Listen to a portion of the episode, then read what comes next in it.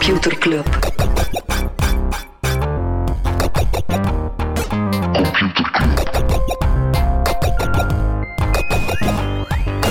Computer Club. Hey Smolly, Hey Freddy, welkom, welkom terug. welkom. Welkom bij Computer Club, een wekelijkse podcast over technologie. Iedere aflevering selecteren Freddy en ik een interessant artikel en presenteren we een feitje. Ja, en soms eh, pluggen we ook eh, schaamteloos wat de reclame voor een eh, evenement. Voor, ah, ja, inderdaad. Voor het Mutation Festival deze keer, dat is 28, 29 november in Gent. We hebben dat vorig jaar gepresenteerd. Dries de Poorter sprak daar toen onder andere ook. Maar ik weet niet, eh, dit jaar komt Daan Rozengaard. Ik weet zelfs niet of er nog tickets zijn, maar dat is gewoon tof. Dat wordt georganiseerd door Nerdlab. Check die mannen eh, hun werk vooral. Freddy, waar gaan we het niet over hebben deze week? Eh, terugkomen op het blokkeren van politieke advertenties. Ja? Dat Twitter en ja, haalde daar toen wel terecht aan dat dat niet gewoon zo simpel is als zeggen we stoppen daarmee. Eh, Alex Stamos, de, voor, de vorige Chief Security Officer van Facebook, die is er toen ook vertrokken uit onvrede met wat er bij Facebook gebeurde, eh, die zegt van ja, het is, dat is niet zo betekenisvol. Wat we vooral moeten aanpakken is microtargeting. Mhm. Het feit dat je die boodschap volledig kan aanpassen van de ene naar de andere persoon. Dus hij zegt van, dat is Ja, ja, ja. eigenlijk het echt gevaarlijke van die platformen. Het feit dat, dat je bijna niet kan weten welke boodschap... Je kan het ergens wel gaan opzoeken, maar wij staan daar niet bij stil. Dat Ja. ze jou met andere boodschappen bombarderen als mij. En hij zegt, het is microtargeting die het probleem is, niet zozeer politieke advertenties aan zich. Facebook zit trouwens in de shit met advertenties. Ze moeten nu eh, een boete betalen door die valse bitcoin-ads die af en toe opduiken. Dat ze zo zeggen, Philip Geubels heeft een manier gevonden om rijk te worden, maar de media wil niet dat je weet wat dat is. En dat is dan zo'n bitcoin-scam. En in Nederland hebben ze nu zijn de, door de rechtbank gedaagd, door John de Mol. En ze moeten een boete betalen per dag. Facebook Dat moet ja. Facebook. Facebook Omdat ze toelaten, dat Ja. soort... eh Ja. Ja, makes sense eigenlijk. Hè? Ja. Nog ander nieuws waar we het niet over gaan hebben. Eh, Dominique Leroy, die wordt consultant bij Bain Company. Eigenlijk maar één dag Dominique per maand. Leroy moeten we kennen als... Ja, de Proximus CEO, die, die vertrokken is omwille van... eh, ja, ze ging naar KPN gaan, dat ging er niet door, omdat ze aandelen had verkocht op het verkeerde moment en tralala. Die wordt nu dus consultant bij Bain. Voilà, volgens mij gaan ze wel aan een bak raken. Ja, tuurlijk, die vindt wel een job. Ja. Trouwens, ook non-nieuws over Facebook gesproken. Eh, Facebook heeft een nieuw logo. Wat? En het is Ah, niet zozeer ja, voor de blauwe app, is. maar Ja. het bedrijf Facebook eh, heeft dus ook een logo nu. Eh, zo wat een eh, regenboogkleurige Mhm. all-caps logo. Vooral dat, all caps. Ja, dus het is echt wel duidelijk, Mark Zuckerberg wil een stempel zetten op alles dat van hem is. Het is echt zo van, eh, Ja, ook van mij. bam, Facebook. Bam, ook van mij. Eh, maar wat wel subtieler is, is, misschien heb je er al op gelet, maar eh, op iOS alleszins, eh, alle Facebook-apps, Uh-huh. die openen nu, als je de app opent, dan krijg je eigenlijk altijd hetzelfde witte scherm te zien met het logo centraal erop. Juist. Ja, ja, Ja, op dus- Android ook. Ja, Het is ik heel subtiel. ehm, dus eigenlijk het, het, het startscherm is wit, is, is niet meer gewoon wit van het komt, Ja. maar is zo het logo. En daardoor valt het wel op dat die apps van dezelfde maker zijn. Ja, ja, ja. Dus dat is eigenlijk nog subtieler dan overal uw Ik stempel heb bij. WhatsApp nog niet op gelet, maar bij Instagram sowieso wel. Bij Instagram, bij WhatsApp.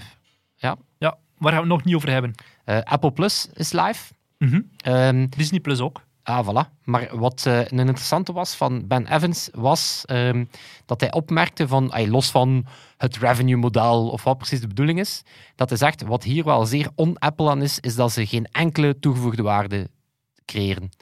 Normaal maken ze hun eigen versie van Ja, iets, ja. maken ze zo wat een Apple-sausje van, maar hij zegt, ze zijn gewoon naar LA gegaan om LA-stuff te kopen en er LA-stuff mee te doen. Ja. Dus er is niks Apple aan Apple Plus. Ja, wat ook live is, of er is al sinds veel commotie rond, is Apple eh, Card. En Wat is de commotie?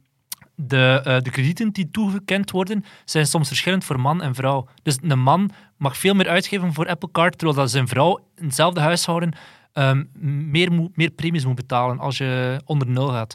Wat dat zot is, Steve Wozniak heeft er zelfs over getweet. Bij Steve Wozniak, zijn vrouw moet tien keer meer premies betalen dan hemzelf.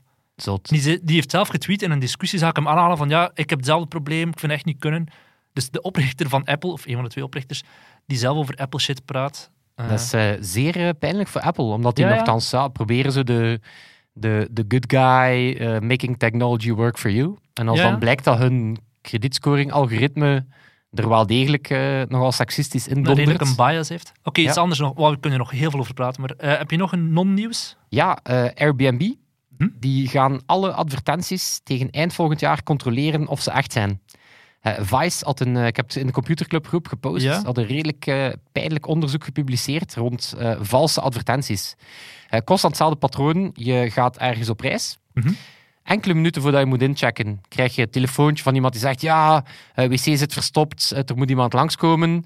Mogen we jou in een grotere ehm, pand gaan steken? Je zegt dan: Ja, Ja, dus je staat daar in die stad. Ja, oké, je zoekt dat pand op, dat bestaat. Maar dan kom je toe, dat pand is groter, maar dat ziet er bijna uit als een, als een kraakpand. Dat is echt als een, een plek waar dat junkies hero gaan schieten.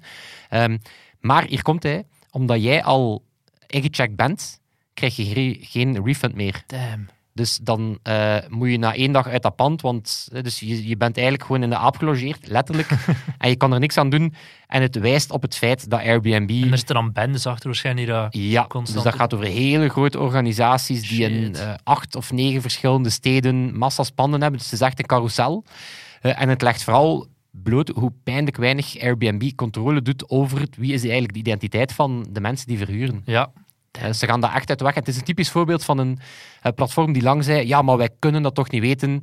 Terwijl als je zegt, nee, we gaan je aanklagen, eh, dan vinden ze waarschijnlijk morgen een manier om het wel te kunnen weten. Dus eh, eind 2020 er alle advertenties geverifieerd. Maar voor de rest, gaat op je gemak op reis. eh, Ja. Niet bang zijn. Wat er ook pijnlijk was, dat interview met Dara, de CEO van Uber, die gevraagd werd naar de Saudis die investeerden in Uber, superveel miljarden erin gepompt.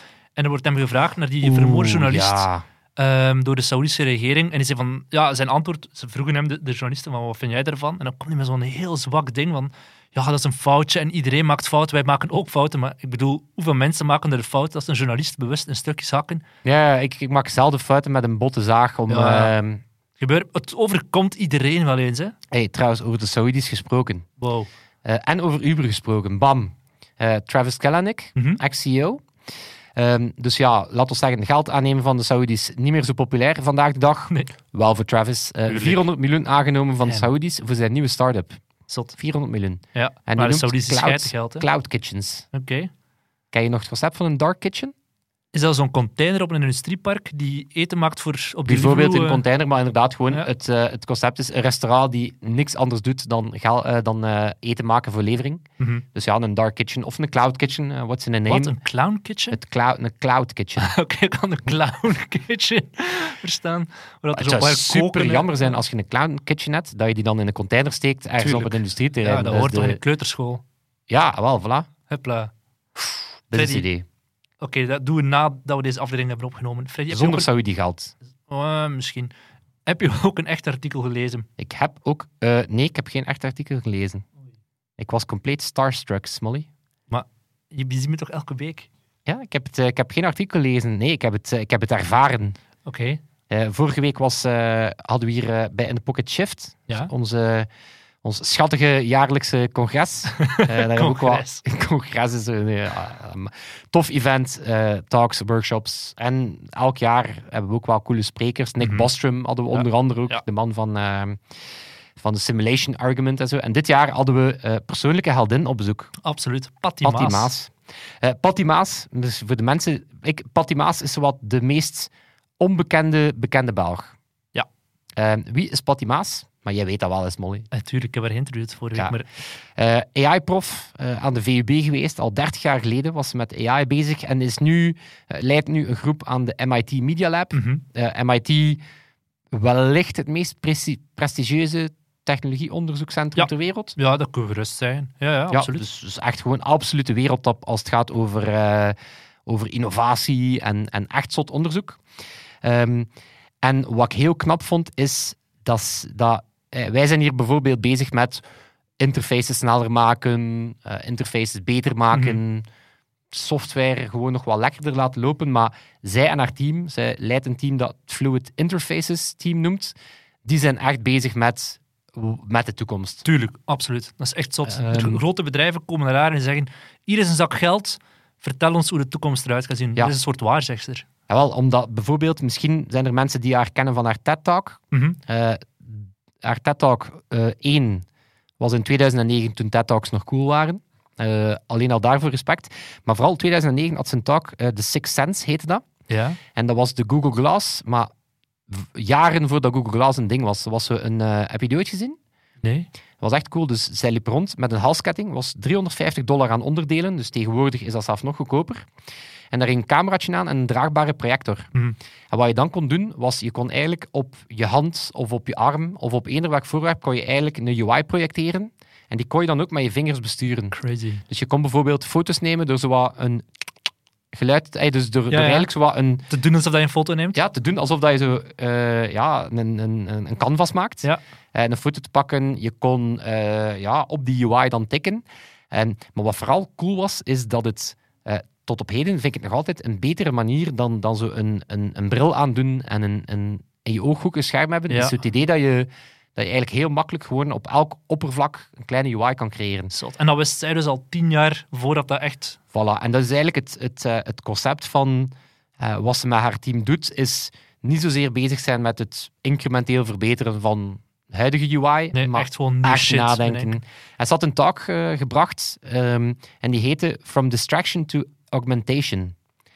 En waar dat ze eigenlijk een beetje mee begon, was, ze zei, kijk, ja, smartphones, ze geven ons alle informatie ter wereld, hè, eh, maar helpen ze ons echt beter worden? Ehm, helpen ze ons beter aandachtig zijn? Helpen ze ons gemotiveerder zijn? Helpen ze ons leren? En ze zei, ja, nee, in tegendeel, eh, ze leiden ons net af van de wereld. Mhm. Ze maken ons niet echt gelukkig. Ehm, en dan gaf ze een aantal voorbeelden van waar dat zij gelooft dat smartphones en technologie ehm, nog geïntegreerder gaan worden in ons leven. En toen had ze echt super veel coole voorbeelden eh, mee. Shoot. Eh, Oké, dit gaat natuurlijk weer super saai zijn om het hier zo wat verba- verbaal eh, te proberen beschrijven. Ehm, de Attentive View, dat was een, een bril, hè, dus de Attentive View slash U. En dat was een bril en die volgt ehm, jouw oogbeweging en jouw hersenactiviteit. Dus die, die, die, die, die volgt eigenlijk hoe goed ben jij aan het opletten. Mhm. En het moment dat hij voelt dat je niet meer aan het opletten bent, dan gaat hij kleine trillingjes in die bril geven. Ehm, en zo merkte hij bijvoorbeeld dat, ehm, of merkte ze bijvoorbeeld dat als ze dan een quiz deden na een les, dat leerlingen of studenten met zo'n bril tot vier keer meer onthouden hadden van die les. Zot. Dus die kijkt eigenlijk wanneer dat je... constant gefolterd. eh, ja, maar het zijn hele kleine tikjes. Het scheelt zelf al als het je gewoon af en toe at random een tikje geeft. Nou ja, oké, van Dus wakker blijven. af- ja, voilà. Maar Ja. het ging het best... eh, het werd ook bijvoorbeeld gebruikt tijdens autorijden. Oh, Wanneer ja. dat ze voelen dat je je focus verslapt, ehm, ga je ze eigenlijk weer op de, op de baan helpen. Eh, dus dat was één voorbeeldje. Eh, dat was ook een supercoole alter ego. Dat, was een, eh, dat hielp met beslissingen maken. Dat was een silent speech assistant. Oké. Dus ik, Smolly is hier nu de rol aan het doen. Smolly zat ook in die presentatie. Dus die is hier Ja, nu zo ah, oké, wat is Wow. dat? Ehm, dus dat gaat over het feit van, we hebben nu al die virtual assistants die alle informatie ter wereld kunnen opzoeken, maar wat is er nog altijd vrij gênant? Ja, sommige vragen luidop moeten eh, stellen. Voilà, het, het voelt gewoon vrij oncomfortabel om. Mhm. Eh, dus wat is die alter ego? Dat zijn eh, plakkers, dat zijn eigenlijk pleisters, elektroden op je gezicht, waarbij dat je... Je moet dat het niet meer er niet uit. uitspreken. Wat? Dat ziet er niet die De biel uit. prototypes zagen er in het begin wat die Ja. biel uit, maar die zijn ook kan al... het via je AirPod of zo. Ja, vertel verder. Ah, wel. En het, is, het, het pikt eigenlijk je spierbewegingen op. Dus je moet eigenlijk zo wat mompelen slash doen alsof dat je het zegt, zonder dat je het wat is herpes? Maar dan zo zonder geluid. Ja, dan zo. Ja. En dan gaat dat ding eh, dat opzoeken en dat gaat ook via vibraties in je oor. Eh, gaat het dus niet zonder geluid, dus het gaat zo je, je oorschelp en je, je schedel doen vibreren, waardoor dat je het antwoord eigenlijk hoort. Eh, dus je krijgt eigenlijk het volledige internet Dus in je je kan zo op een netwerkevents met zo'n Google Glass bril aanstaan en zeggen, wie is die dude? En dan zegt Siri, dat is Freddy. Ja, en opnieuw, de echte use case, dat is het ook al op toepassen, eh, ALS en MS-patiënten, Ja. die vaak niet meer de kracht hebben om echt eh, stemvolume te produceren, eh, maar wel nog hun spieren wat kunnen gebruiken, eh, ja, die kunnen dan via neuraal netwerken eh, eigenlijk ook communiceren. Cool. Ja, is cool, hè? Ja, echt top, top vrouw, Patty. Ja, of dingen aanleren, had ze ook heel wat coole voorbeelden mee. Eh, dit was een supercoole bijvoorbeeld. Ze hebben ontdekt dat je dingen beter onthoudt op, her- op locatie. Je onthoudt herinneringen beter omdat dat je op een plek eh, beleeft. Dus wat ze gedaan hadden was, eh, de Super Bowl winnaars hadden ze eigenlijk gezegd, kijk, we gaan je eigenlijk iemand, de, de- alle Super Bowl winnaars ooit leren memoriseren. Maar wat er gebeurde was, je kreeg die allemaal aangeleerd op weg van thuis naar je werk. En dan kwam je bijvoorbeeld eh, de, de, de Packers, dan, dan, liep er iemand met een, dan kwam er in AR iemand met een verhuisdoos. Ja, Eh, als je dan eh, de, een cowboy tegenkwam, dan wist je, ah, het zijn de Broncos. Als je een jet tegenkwam, of een vliegtuig, dan zijn het de New York Jets. ja. En toen hebben ze geleerd dat ehm, eh, zelf na één maand eh, nog altijd dat, dat mensen met die bril nog altijd meer dan 90% van alle Super Bowl winnaars kunnen onthouden. Dat Gewoon omdat ze zo- Latijnse woordjes vroeger. Ja, je zoekt eigenlijk een Ja, soort ja. Geheugen, een geheugensteuntje. Ehm, of, dit was ook een coole WordSense, dat was dan via AR eh, een nieuwe taal leren, door eigenlijk constant woorden geprojecteerd te zien van hetgeen dat je aan het doen bent of dat je aan het kijken bent. Ja, ja. Dus je ziet eigenlijk constant in je echte wereld Je hebt een appel eh, vast en dan zie je erop staan. appel, pom. Ja, beer, ja, eh, voilà. ja, ja, cool. Ehm, nog? Ja, vertel nog eentje, nog Nog eentje. eentje. Ehm, ja, dit, dit vond ik ook een super goeie. Ehm, dat ging over, over omgaan met je gevoel of omgaan met je, je anxiety, Mhm. zo, zo rond mindfulness. En dat was een, dat was een, een, een draagbaar hart. En dat, dat, dat klopte echt met je hart mee. Dus dat, dat beelde echt door te trillen en, en licht te maken. Je hart zag uit. En zo leerde je eigenlijk hoe de ademhaling en stress een gemoed had, Mhm. een effect had op je gezondheid. Kun je dat op je bureau leggen en kan iedereen zien, fuck, die Ja, is of met twee, dan kan je eigenlijk elkaars hart vast, vasthouden en voelen Zonder elkaar impact is van vermoorden. de alle. Of een VR-bril, ehm, die meet je concentratie. En dan kon je in VR, als je echt geconcentreerd was, kon je zo dingen laten zweven. Zoals in Harry Potter. Zoals in Harry Potter. En op het moment dat je concentratie daalt, dus op het moment dat je voelt dat je afgeleid, dan valt het. Dus allemaal manieren Dat is om... echt in Harry Potter, hè. Dat is zo'n toverstok, Wingardium Leviosa. Ja, of, of dingen zoals eh, geuren gebruiken om je welzijn te, te beïnvloeden. Allee, ehm, we gaan misschien eens kijken of we de talk kunnen posten later. Dat weet ik niet. Wel het interview, dat gaan we sowieso doen. Ja, of zeker die Six Sense kan je zeker, eh, Ja. kan je zeker opzoeken. Ja. Maar het is super nice, omdat ze zijn echt bezig, bezig met kwalitatieve dingen. Het zijn allemaal dingen eh, die het leven verbeteren. Mhm. En ik vind het ook knap dat ze zo'n aantal design guidelines heeft, zoals eh, enable, don't enforce, Ja. teach, don't make dependent. Ehm, en alle data wordt ook privé en lokaal Het gehouden. zit zo in die hoek die nu aan het opkomen is met Tristan Harris en die datapots van onze vriend eh, Tim Berners-Lee en zo. Ik had daar ook gevraagd van, eh, want het ging daar rond welzijn. Ik zeg, ja, welk techbedrijf meent het het best? Waarop Apple. dat ze zei, geen Ah, nee, geen enkel. Zelfs Apple niet. Ja, ja, ze zei echt van, het zijn allemaal gewoon, het is allemaal gewoon wat window dressing, Ja, ja. maar geen enkel techbedrijf is op dit moment echt bezig met, eh, met welzijn. Zwat, allemaal eh, coole prototypes. En ik vond het ja, zeer nederig, omdat ja, ik denk dan dat wij coole shit aan het doen zijn, maar Ja, nee. dat is echt gewoon Dit is de... next level, hè. Ja, dit is, dit is waar dat innovatie vandaan komt. Hè. Ja, check zeker. Ze heeft interviews gegeven met, dat ik heb teruggevonden met Tijd, met Knak. Eh, je vindt overal wel informatie over haar, maar ja, maak haar nog bekender dan dat ze, zou, dat ze er op dit moment is. Oké, Smolly, maak mij nog slimmer. Oké, ik ga je een beetje slimmer Ik maken. ga je eerst en vooral eh injinglen. Computerklas. Yes. Ik lag gisteravond in bed en ik vroeg me plots af, wat zou de oudste programmeertaal ter wereld zijn die nog steeds gebruikt wordt? Dat zijn zo de dingen die ik me afvraag vlak voor ik in Mag ik slaap ga. Ja, zeg het. C? Nee. Nee, nee, nee. Er was heel veel discussie. Ik vond online eerst geen eenduidig antwoord. Sommige mensen zeggen Lisp, anderen zeggen COBOL. Maar algemeen is Fortran blijkbaar de, hetgene wat volgens mensen het oudste is en nog steeds gebruikt wordt. Dat is ontwikkeld in 1957 door IBM. En Fortran dat staat voor IBM Mathematical en dan Formula Translating System. En het, het, het vertaalt, het translating, vertaalt eigenlijk gewoon codetaal en pondskaarten. En dat wordt dus nog steeds gebruikt. Hè? Bij overheden waarschijnlijk of zo, maar ja, ik ben daar blijven op doorzoeken. En bijvoorbeeld op een pondskaart staan er 80 kolommen. Ik heb er nog nooit in het echt gezien, zo'n pondskaart. 80 kolommen. En de laatste acht die worden gebruikt voor een regelnummer. En dat is voor het geval dat iemand struikelt en al die pondskaarten laat vallen. Dan hebben ze een soort sorteermachine die die terug op volgorde kan steken. Zalig. Dat is toch geniaal? Dat je gewoon echt moet coderen op een pondskaart. Maar ja, dus Fortran en daarna is Lisp en COBOL. Maar dat, ook dat, als je die talen kan, hè, Kevin vertelde mij dat, een collega, die zei, als je nu nog COBOL kan eh, coderen, dan kun je echt heel veel cashen. Want er zo weinig mensen daarin geïnteresseerd zijn of dat nog kunnen.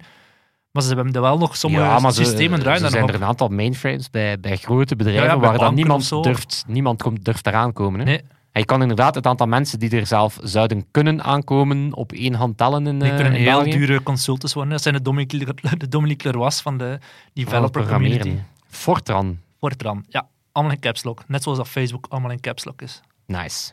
Alright. Maar ik heb mij nog met andere dingen bezig gehouden gisteren, want het was een vrije dag, eh, 11 november. Dus jij zoekt oude programmeertalen op. Ja, niet per se, maar het is eh, Joost Schervis, een Nederlandse techjournalist, die had iets getweet over LimeWire.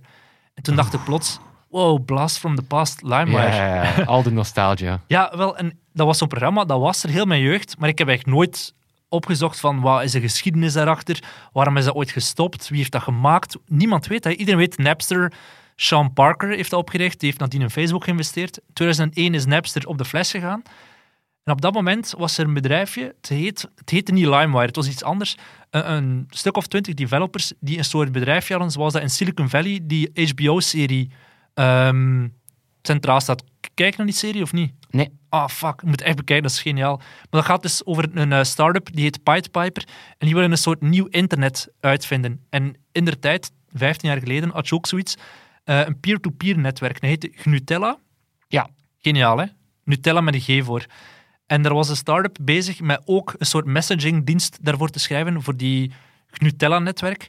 Ehm, maar terwijl die mannen daarmee bezig waren, was er iemand anders in dat team die plots met een soort Napster-achtige lookalike was gekomen, LimeWire. En vier jaar lang heeft dat een beetje beginnen kabbelen, totdat die beseften, holy shit, dat is onze eigenlijke core van ons business. Vergeet die messagingdienst, we gaan focussen op die, eh, op die muziekdienst die LimeWire heet. En dat was eigenlijk een soort laagje bovenop dat Gnutella-netwerk, maar de user interface die was zo goed en zo gebruiksvriendelijk dat die echt heel snel daar nadien van de grond is gekomen. Ehm nou, hij hebt het waarschijnlijk ook gebruikt, hè? Ik heb het ook gebruikt, maar het was wel... Het was... ehm, Om een keer rond te kijken, niets gedownload. nee, het was, het was toen wel al gevaarlijk geworden. eh. Ja, en wel, er eh, heb je bestonden wel... eh, ja, foute dingen die je kon... eh, Ik heb mijn eh, liefste zusje eh Oké. één keer, dus ik, ik heb altijd zonder antivirus geleefd. Omdat Ja. ik kom uit een tijd dat antivirussen nogal eh, zware, zware software was. En dat, eh, dat vertraagde je computer echt wel enorm. Ja, en, En ja, dan ga je redelijk virus, voorzichtig eh, Mhm. het internet op. Ehm, dus, ehm, en dan één keer mijn zus op de computer gelaten. Bam. eh Eén keer op LimeWire en het was, eh, het was om zeep. Internet om zeep. Heel de computer kapot. Ja, op Napster kon je enkel muziek downloaden. Op Lime maar letterlijk alles. Hè. Films, ook ging dat super traag. Programma's zoals Adobe, maar ook muziek. En het was inderdaad spannend, want je wist nooit, ga ik wat ik hier krijg ook effectief de juiste file zijn. Er was één virus, niet per se een virus, maar zo'n ad die als muziek verpakt was en altijd kom je die tegen. Dat was zo Bill Clinton, die zo begon met My fellow Americans. En dan uiteindelijk bleek dat dat zo'n reclame was voor een dating site. Maar die had iedereen, als- kan die niet laten horen, maar dat zal waarschijnlijk met copyright shit zijn. Maar dat was een bewuste strategie, de LimeWire die advertenties niet aanpakte. Omdat die zelf ook effectief de, de echte song helemaal van boven zetten en die kon je dan kopen voor een paar cent. Ja. Zodat mensen zeiden van, oké, ja, shit, ik het niet riskeren dat dit nu de, de echte... Ja, want dat, dat, waren dus, is. dat waren dus de tijden dat, dat een, een download, dat duurde soms dagen. Hè.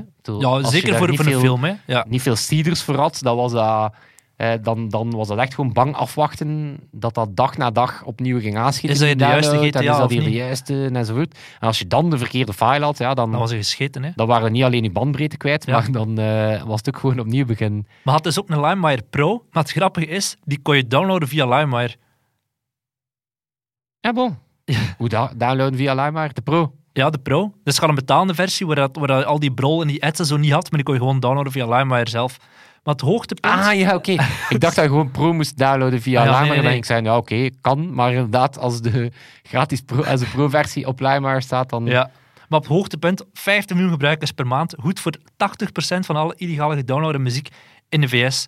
Ehm, maar toen is de shit begonnen. Toen, toen zijn er mensen die, die kinderporno op uh, LimeWire hebben beginnen zetten. En ook die gewoon dingen konden beginnen hacken. Er was een dude, Gregory Kopilov, die LimeWire op de een of andere manier zo kunnen kraken dat hij mensen hun andere bestanden op de computer ook kon bekijken. Blijkbaar was dat een functie bij LimeWire tot aan versie nummer 5 dat je onbewust toegang hebt gegeven tot alle bestanden op je computer. Dus ik hoop dat dat bij mij niet het geval was, maar dat is bij heel veel mensen wel zo gebeurd, waardoor die Gregory van 83 mensen al hun bankgegevens heeft kunnen hacken en voor 100.000 dollar uh, spullen heeft kunnen kopen en toen naar de rechtbank is gegaan na 51 maanden naar de cel. Maar op dat moment zijn platenlabels was echt beginnen focussen op LimeWire. Van, wacht even, we hebben Napster zo kapot kunnen maken, nu gaan we die LimeWire aanpakken. Het zotte is, LimeWire op dat moment, dat waren 35 developers, die zijn mensen willen aannemen, marketeers en juristen, omdat die beseften, het is tijd om het, op het spel veilig te spelen, om het, al die illegaliteit achter ons te laten. En die stonden op het punt om Grapevine te lanceren. Heb je dat ooit van gehoord? Waarschijnlijk Nee. niet. Dat heeft niet lang bestaan, maar dat was Spotify aan van letter. Echt acht jaar voordat Spotify er was, aan die streamingformule helemaal legaal, deals gesloten met allemaal platenlabels. Maar net toen ze het gingen lanceren, uh, zijn ze voor de rechtbank gedaagd door de RIAA, dat is de organisatie die alle labels bundelt. Weet je wat die mannen wilden van LimeWire? Nee. Doe, doe een gok. Hoeveel, hoeveel wilden ze van LimeWire door de, omdat zij zo echt de industrie kapot maakten? 50 miljoen. Meer. 51 miljoen. 75 biljoen. Dus 75 Het- het- het duizend uitgevonden miljard. getal. Ja, echt zo super random. De rechter zei meteen van, dudes, dat is meer dan dat de muziekindustrie heeft verdiend sinds dat Edison de fonograaf uitvond in 1877. Doe normaal. Toen hebben ze gezegd, oké, ja, het is goed, we willen maar 1 miljard. Uiteindelijk is het erop neergekomen dat ze 105 miljoen dollar hebben moeten betalen aan LimeWire. Ja. Weet je dat er nog zo'n een, een, een oldschool download eh, ding is? Kazaa. Oh ja, Dat zit er, ik denk dat als ik het beetje kan plaatsen, dan denk ik dat Kazaa nog tussen LimeWire en Napster zat. dat kan. Ja. En dan had je Kazaa Lite, omdat geluid. zelf was dan eh, zodanig kapot gemaakt door spyware enzovoort. Het was letterlijk, dat programma zat gewoon vol met brol. Mhm. Dat er een, eh, een afgeleide versie kwam, Kazaa Lite, waar je dan niet mee in de problemen kwam Zot. enzovoort. Ehm, ja, het is wel, ik, ik vind het wel interessant, omdat bijvoorbeeld het, het, het, mijn mp3-tijden had je ze van die... ehm, door het feit dat er zodanig veel bestanden onder de verkeerde naam eronder Mhm. dingen, zijn er zo nog altijd eh, van, die, ehm, van die nummers die ik tot op heden aan de verkeerde artiest... eh Bijvoorbeeld? eh, Stuck in the Middle with You. Ja. Dat, dat dacht ik heel lang dat dat van Bob Dylan was. Gewoon maar iemand dat ooit verkeerd heeft upgeload en hij is zo blijven staan. Ja, Ja, nog maar ja, letterlijk, dat, dat stond er dan op zo, ja, Bob Dylan, Stuck in the Middle with Mhm. You. En dan ja, werd dat zodanig veel verspreid. En dan denkt de wereld van, ah ja, dat is een Dylan-nummer. eh. Ja. En mij ooit dat verhaal over Soulja Boy hier verteld, of nog niet? Ja, hebben Oké, dat ja. Maar nog eens. Oké, al Boy die had dat heel, heel snel door van mensen die downloaden gewoon muziek op LimeWire. En als ik mijn eigen muziek, ik ben op dat moment een onbekende artiest, als ik die daarin steek, dan, eh, dan wordt die mee, mee gedownload door mensen. En daarom zingt hij zijn, zijn eigen stem altijd in het begin van een... eh, hij zingt zijn eigen stem. Hij zingt zijn eigen naam aan het begin van een nummer. Dus mensen downloaden zogezegd eh 50 Cent in de club en dan blijkt dat dat een, een totaal ander nummer is. Maar ze blijven wel luisteren en zeggen, oh fuck, dat is eigenlijk wel een goed nummer. Wie is die artiest? En daarom zingt hij heel tijd zijn eigen stem. Ja, maar ik, eh, aan vallen valse. Ja, ja. eh, valse hitclubs online en zo. Ja, met dan zijn eigen nummer ook tussen. Ja, hilarisch. Geniaal. Alright, Smolly, dan hebben we een aflevering gehad waar dat we zowel de toekomst Als het als verleden. het verleden... eh moeten we nog iets zeggen over het heden? Eh, het heden, of het toch het eh, zeer, dichte, zeer dichte toekomst. Ja, zijn de volgende week. zijn de volgende week, eh, dinsdag 19 november, doen we eh, terug een meetup. En dan gaan we hier eh, ja, vanaf een uur of zes, zeven gaan we de podcast niet gewoon live opnemen voor de... kunnen we doen. Kunnen we doen. En dan gaan we samen wat tech-documentaires geeken. Yes. Wij zorgen voor eten en drinken, eh, maar laat wel even weten eh, op Facebook of dat je erbij bent of niet. Dus alle misschiens, eh, maak er even een nee En waar vinden of nog dat? liever een ja van? In ons, eh, in ons clubhuis. Hè. Computerclub heet de Facebookgroep. Ja. Kom er gezellig bij, want daar discussiëren we ook over van alles en nog wat. Ja, zoals eh lange discussie over wearables. Ehm, waar dat we gewoon eens gevraagd hebben eh, aan, aan jullie van ja, wie heeft er wearable, wat doe je ermee? ja, de eigenlijk grote conclusie is, best veel mensen hebben een wearable. Bij best veel mensen ligt die in de schuif.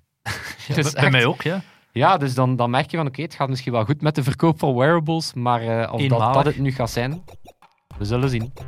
En wie weet zien we jullie ook eh, volgende week op onze DocuNight. Yes. En anders tot hoors. Voilà, en dan gaan wij enkel nog onze, onze tech-icoon Toon bedanken voor de mix. Toon. En dat zal het zijn. Tot volgende week. Tot volgende week. Yo.